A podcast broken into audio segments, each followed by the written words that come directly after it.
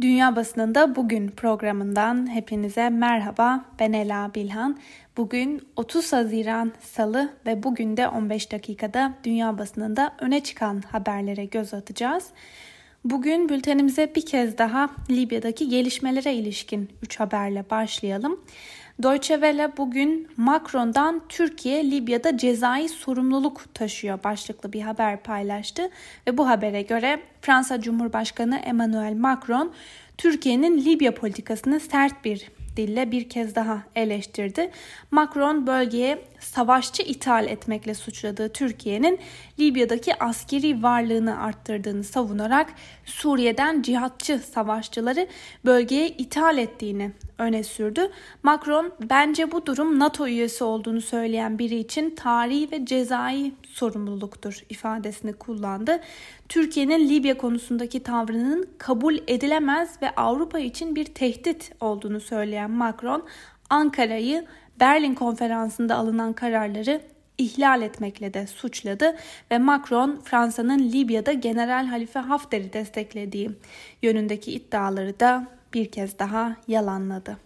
Ve aynı konuyu gündemine taşıyan İngiliz Independent gazetesinde Zayed Hadiye imzalı bir habere göre ABD Libya arenasına giriyor. Washington doğu ve batı kampları ile temas kanalları açtı.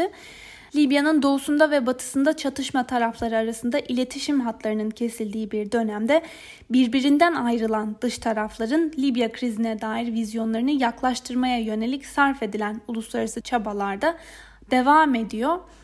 Uzun bir aradan sonra ABD Libya meselesinde başrol oynamak için geri dönerken resmi kanalları aracılığıyla da sürdürülebilir bir sakinlik sağlanması ve herkesin diyalog masasına geri dönmesi çağrısı yaptı.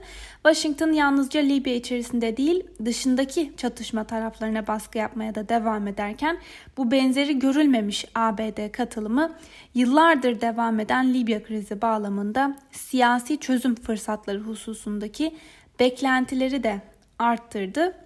Independent Arabia'ya konuşan Libyalı gazeteci Futuri, ABD'nin Libya'daki bu savunması vekiller aracılığıyla çatışma aşamasından Libya arenasındaki ana kuvvetler arasında doğrudan çatışmaya geçtiğimiz anlamına gelebilir ve hepsinden önemlisi ise Washington ve Moskova'da bu krizi derinleştirip karmaşıklaştırabilir değerlendirmesinde bulundu.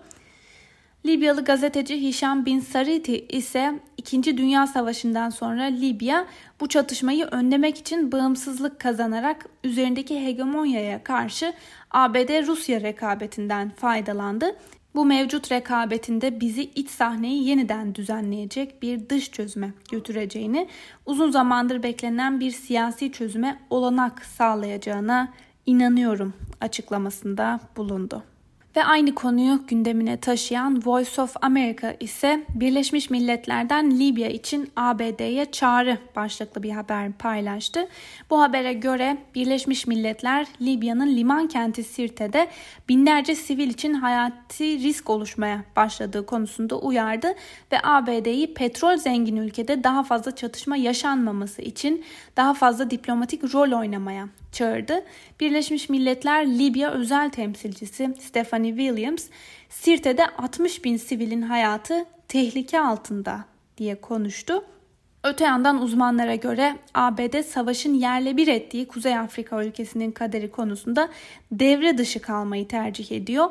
Ancak Birleşmiş Milletler Libya temsilcisine göre Washington'ın daha aktif bir diplomatik rol üstlenmesinin vakti geldi.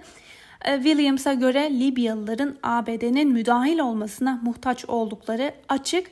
Özellikle de uluslararası arenada dizginleri ele alması için ABD'den küçük de olsa bir adım bekleniyor. Birleşmiş Milletler özel temsilcisi durumun bölgesel bir gerilime neden olacak kadar gerilemiş olmasından endişe duyduğunu da vurguladı. Libya'ya ilişkin bu haberlerin ardından bir de Amerikan basınında öne çıkan diğer birkaç habere göz atalım. Ee, Çin'in Uygurlara yönelik zorunlu aile planlamasına ABD'den tepki başlıklı habere göre Çin hükümeti Sincan bölgesinde yaşayan Uygur azınlığın nüfus artışını önlemek için kürtaj ve kısırlaştırma dahil sert doğum kontrolü yöntemleri uyguluyorlar. Aile planlaması önlemlerini ihlal eden Uygurlar tutuklanarak toplama kamplarına ve cezaevlerine gönderiliyorlar. Ancak Pekin'de iddiaların yalan haber olarak niteledi. Pekin'in yürüttüğü zorunlu aile planlaması sonucunda Uygurların yaşadığı bölgelerde e, doğum oranları son 3 yılda %60 oranında azaldı. Çinli yetkililer aile planlamasının yoksulluk ve aşırıcılıkla mücadele planının bir parçası olduğunu söyleseler de uluslararası gözlemciler Pekin'in bu uygulamasını Müslüman azınlıkları asimile etmeyi hedefleyen bir soy arıtımı veya demografik soykırım olarak tanımlıyorlar. Voice of America'da yer alan bu haberin ardından bir de Washington Post gazetesinde yer alan bir yorumu sizlere aktaralım. Trump geçtiğimiz hafta göçmenlerin ülkeye girişini sınırlamak adına yeni çalışma vizelerini yıl sonuna kadar askıya almıştı. Gazeteden Catherine Campbell ise bugünkü yorumunda konuya ilişkin şu ifadeleri kullanmış. Trump'ın çalışma vizelerini geçici de olsa askıya almış olması Amerika'nın itibarına kalıcı olarak zarar verebilir. Bir diğer haberde ise Trump'ın yine geçtiğimiz günlerde e, yaptığı bir paylaşım ele alınmış. Dün bültenimizde de kısaca değinmiştik. ABD Başkanı Donald Trump Twitter hesabından ülkede beyazların üstünlüğüne inanan ırkçı grupların kullandığı güç beyazlara sloganının yer aldığı bir video paylaşmış ve gelen tepkiler üzerine de videoyu silmek zorunda kalmıştı. Ancak bugün gazetede yer alan habere göre Trump paylaşımını silmiş olsa da ne özür diledi ne de yaptığının hatalı olduğunu kabul etti paylaşımı Beyaz Saray'da bir tartışma yaratmışken yetkililer Trump'ın paylaştığı videoda bulunan ırkçı ifadeyi duymadığı konusunda da ısrarcılar. ABD'de kürtaj hakkına ilişkin bir diğer haberle devam edelim. Kürtaj ABD'nin en tartışmalı meselelerinden biri olmaya devam ediyor. Trump'ın seçmen tabanının önemli bir bölümünü oluşturan Hristiyan muhafazakarlar kürtaj hakkına şiddetle karşı çıkıyorlar. ABD Anayasa Mahkemesi Louisiana eyaletinde kürtaj yapan doktorlara kısıtlamalar getiren yasayı iptal etti. Kürtaj hakkını savunan karar 4'e karşı 5 oyla alındı ve Washington Post'ta yer alan habere göre Louisiana eyaletinde kürtaj hakkı ile ilgili davanın bu sonucu hukukun üstünlüğü adına da önemli bir zafer.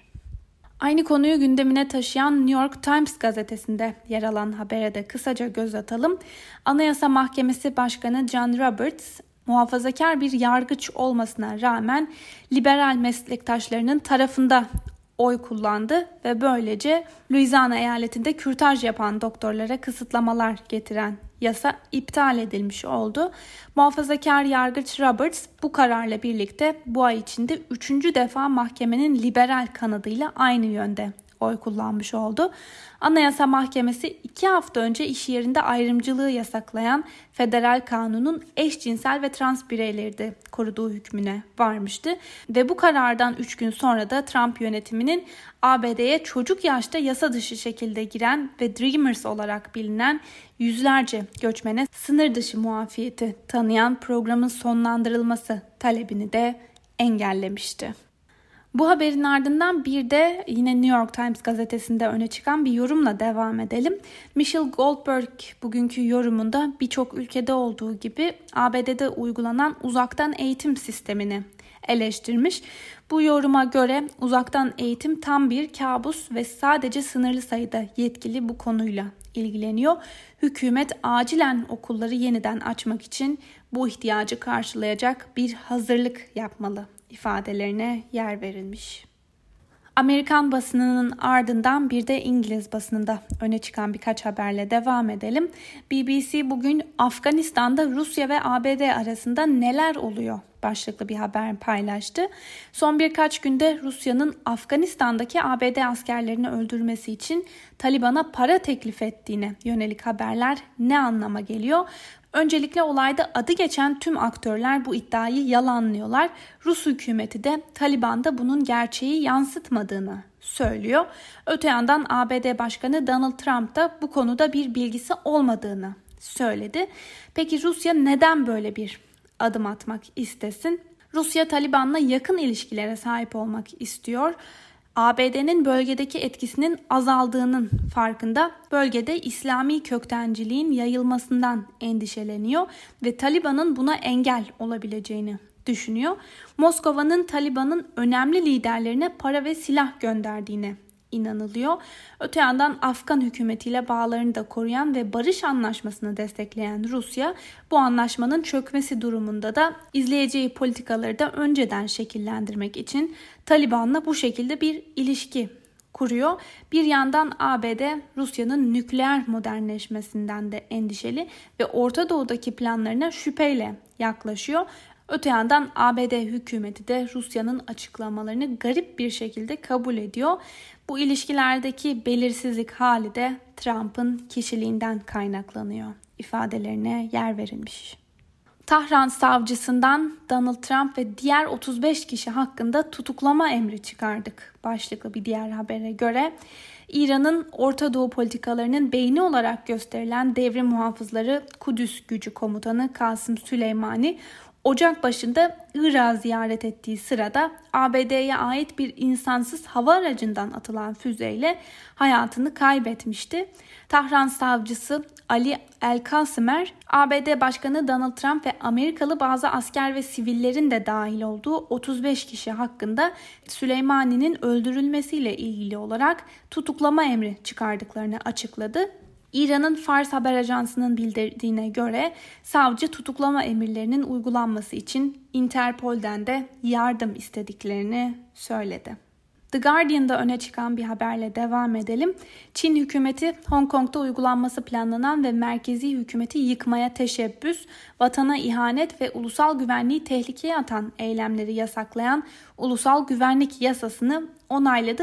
Ancak The Guardian'da yer alan habere göre bu yasayı eleştirenler ve muhalifler yasayla Hong Kong'un özelliğine bir darbe vurulacağını savunuyorlar. Bültenimizin sonuna doğru yaklaşmışken bir de Euronews'ta öne çıkan bir haberi sizlere aktaralım. Almanya 1 Temmuz'da Avrupa Birliği dönem başkanlığını devralıyor. Başlıklı habere göre Almanya Başbakanı Angela Merkel 1 Temmuz'da Avrupa Birliği dönem başkanlığını Hırvatistan'dan devralmaya hazırlanıyor. Bir sonraki seçimlerde yeniden aday olmayacağını ve görevini bırakacağını açıklayan Angela Merkel başta Covid-19 ve ekonomik kriz olmak üzere göçmen krizi, Çin ve ABD ile gergin ilişkileri, İngiltere ile geleceğe yönelik ticari ilişkileri ve yeşil ekonomiye geçiş sürecini yönetmeye çalışacak. Alman basınından Deutsche Welle'de öne çıkan birkaç haberle devam edelim. İlhak planına geri sayım sürerken İsrail siyasetinde çatlak başlıklı habere göre İsrail'in Filistinlilere ait Batı Şeria'nın bir bölümünü ve stratejik öneme sahip Ürdün Vadisi'ni ilhak etme planına geri sayım sürerken gerek İsrail içinde gerekse uluslararası toplumda sert tartışmalar yaşanmaya devam ediyor. Trump'ın 100 yılın planı diye nitelendirdiği Orta Doğu Barış Planı çerçevesinde İsrail'in ilhak sürecini 1 Temmuz'da başlatması planlanıyordu. Ancak ilhak sürecinin zamanlaması konusunda Başbakan Netanyahu ile koalisyon ortağı Gantz arasında bir tartışma çıktı. Gantz'ın partisinin meclis grubunda yaptığı konuşmada koronavirüsle ilgisi bulunmayan her şey virüs sonrasına bırakılmalı dediği belirtildi. İsrail medyasında yer alan haberlere göre partisinin meclis grubunda konuşan Netanyahu ise bu açıklamaya tepki göstererek Gantz'ın bu konuda bir söz hakkı bulunmadığını, Amerikalılarla gizli görüşmeler yürütüldüğünü söyledi. Öte yandan ilhak planına uluslararası tepkiler sürerken Birleşmiş Milletler İnsan Hakları Yüksek Komiseri Michelle Bachelet ise Batı Şeria'daki ilhakın yaratacağı şok dalgasının 10 yıllar boyunca hissedileceği ve yeni bir şiddet dalgasına yol açacağı uyarısında bulunarak ilhak yasa dışıdır nokta açıklamasını yaptı. Sıradaki haberimize geçelim. Spiegel dergisi aşırı sağcı bir yedek az subayın bilgisayarında 17 isimlik üst düzey politikacıların özel adres ve cep telefonu numaralarının da bulunduğu bir liste ele geçirildiğini bildirdi. Listedeki isimler arasında Dışişleri Bakanı Hayko Maas ve Yeşiller Partili Cem Özdemir'in de bulunduğu belirtiliyor. Listede isimleri yer alan kişilerin Federal Emniyet Teşkilatı tarafından uyarıldığı ve güvenlik önlemlerinin de alındığı bildirildi. Bu haberlerin ardından bir de Global Times'ta öne çıkan bir habere göz atalım.